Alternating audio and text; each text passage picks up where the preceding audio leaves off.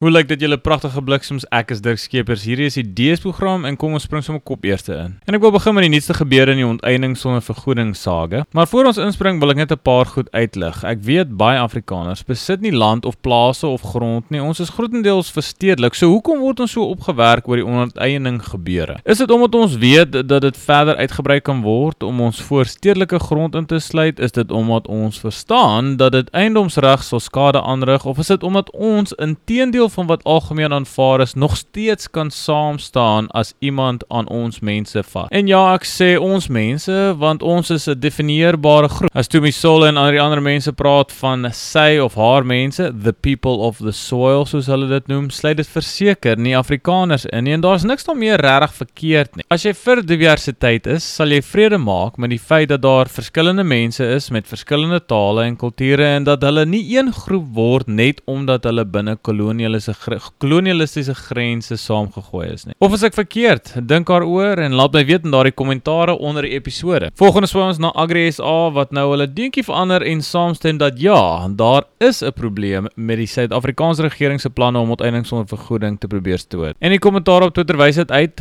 Leek Beekman Leek Beekman sê ja en as Afriforum dit doen, dan verguis jy hulle vir hulle. Joernaliste is deel van die gatkruip gespuis. 'n Ander Twitter gebruiker, Dan123 Agri vra nou hoe het AgriSA nou gat omgegooi? Ek sê nog steeds AfriForum is reg. Hou die ANC se gatte warm met buitelandse druk. Elke keer as Ramaphosa terugkap, draai die kraantjie na die armtes armes net meer toe. En dis 'n interessante verskynsel dat internasionale druk en die krag daarvan nou waardeer word. Toe ek begin kommentaar lewer het hier van die buiteland af, is daar vir my gesê wat ek en die mense buite Suid-Afrika dink is fokkolwerd en ons moet liewer ons bek hou. Is dit nie waar dat 'n beweging van buitelandse druk grootendeels die apartheidregering laat bloed sweet het. En daarmee is die omgedraaide verskynsel nie ook moontlik nie. Ek dink nie net omdat iemand aan die ander kant van 'n poel soutwater sit dat hulle insa nie belangrik is. Die wêreld is kleiner as ooit en as jy begin vir mense wat in die buiteland sê hulle mag nie kommentaar lewer nie. Uh, is dit dan reg as ek vir jou wat in Suid-Afrika sit sê jy mag nie iets of artikels skryf of enigiets sê oor Donald Trump net omdat jy in die land nie in die land woon nie. Laastens was daar 'n insettel op Fox News onlangs oor Suid-Afrika. Dit is nou weer 'n opvolg op daai oorspronklike een wat hulle gedoen het wat soveel opspraakwekkende goed laat gebeur. Ek sal skakel tot daai episode as ook die YouTube link natuurlik soos alles wat ek in die episode aanraak in daai beskrywingsdeling van die episode plaas. En so gepraat van Amerikaners, daar is een wat blykbaar in Johannesburg woon en wat 'n artikel geskryf het vir Politico. Sy hou vol dat lewe vir wit mense in Suid-Afrika nie juis anders is as onder apartheid nie. En weer eens ek sal skakel tot hierdie artikel in die beskrywingsafdeling plaas. Hierdie vrou hou voor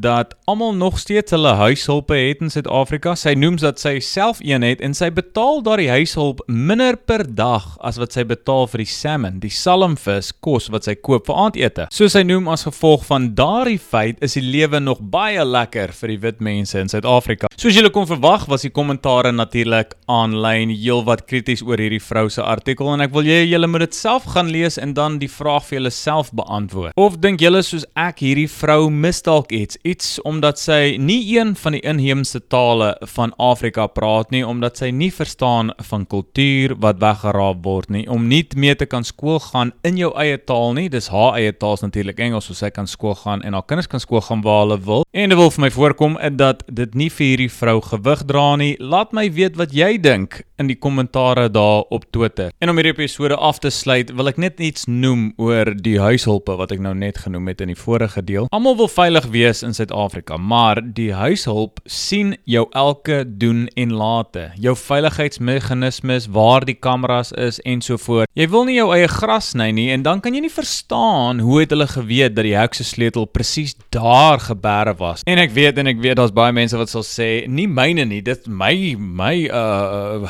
huishulp sal dit nooit doen nie. Uh totdat hulle ook kak optel een aand en ingebreek word en selfs vermoor word. Wat gebeur elke dag? Dis nie omdat ek wil preek nie, dis nie omdat ek juis krities is nie. Ek wil net hê mense moet veilig wees en ek kan nie verstaan hoe dit is dat mense elke dag letterlik hulle eie familie se veiligheid in gedrang plaas net omdat hulle nie hulle eie gras wil sny of hulle eie borde wil was nie en omdat goedkoop is om iemand anders te kry om dit te kom doen. Dis vir my 'n aardige verskynsel. Ek weet nie, ek verstaan nie. Miskien kan julle my inlig op Twitter of op 'n audio message. In die volgende episode gaan ons kyk na onder andere die lusmaker video deur die sangers Jay en Steve Hofmeyer waarin boere rond staan met hulle blou overall werkers in die agtergrond. Die video is getiteld Die land behoort aan jou en ons gaan toets of die linkses reg is dat vrees 'n goeie besigheidsmodel is. En met dit, soos altyd, tot 'n volgende keer, julle pragtige bliksems.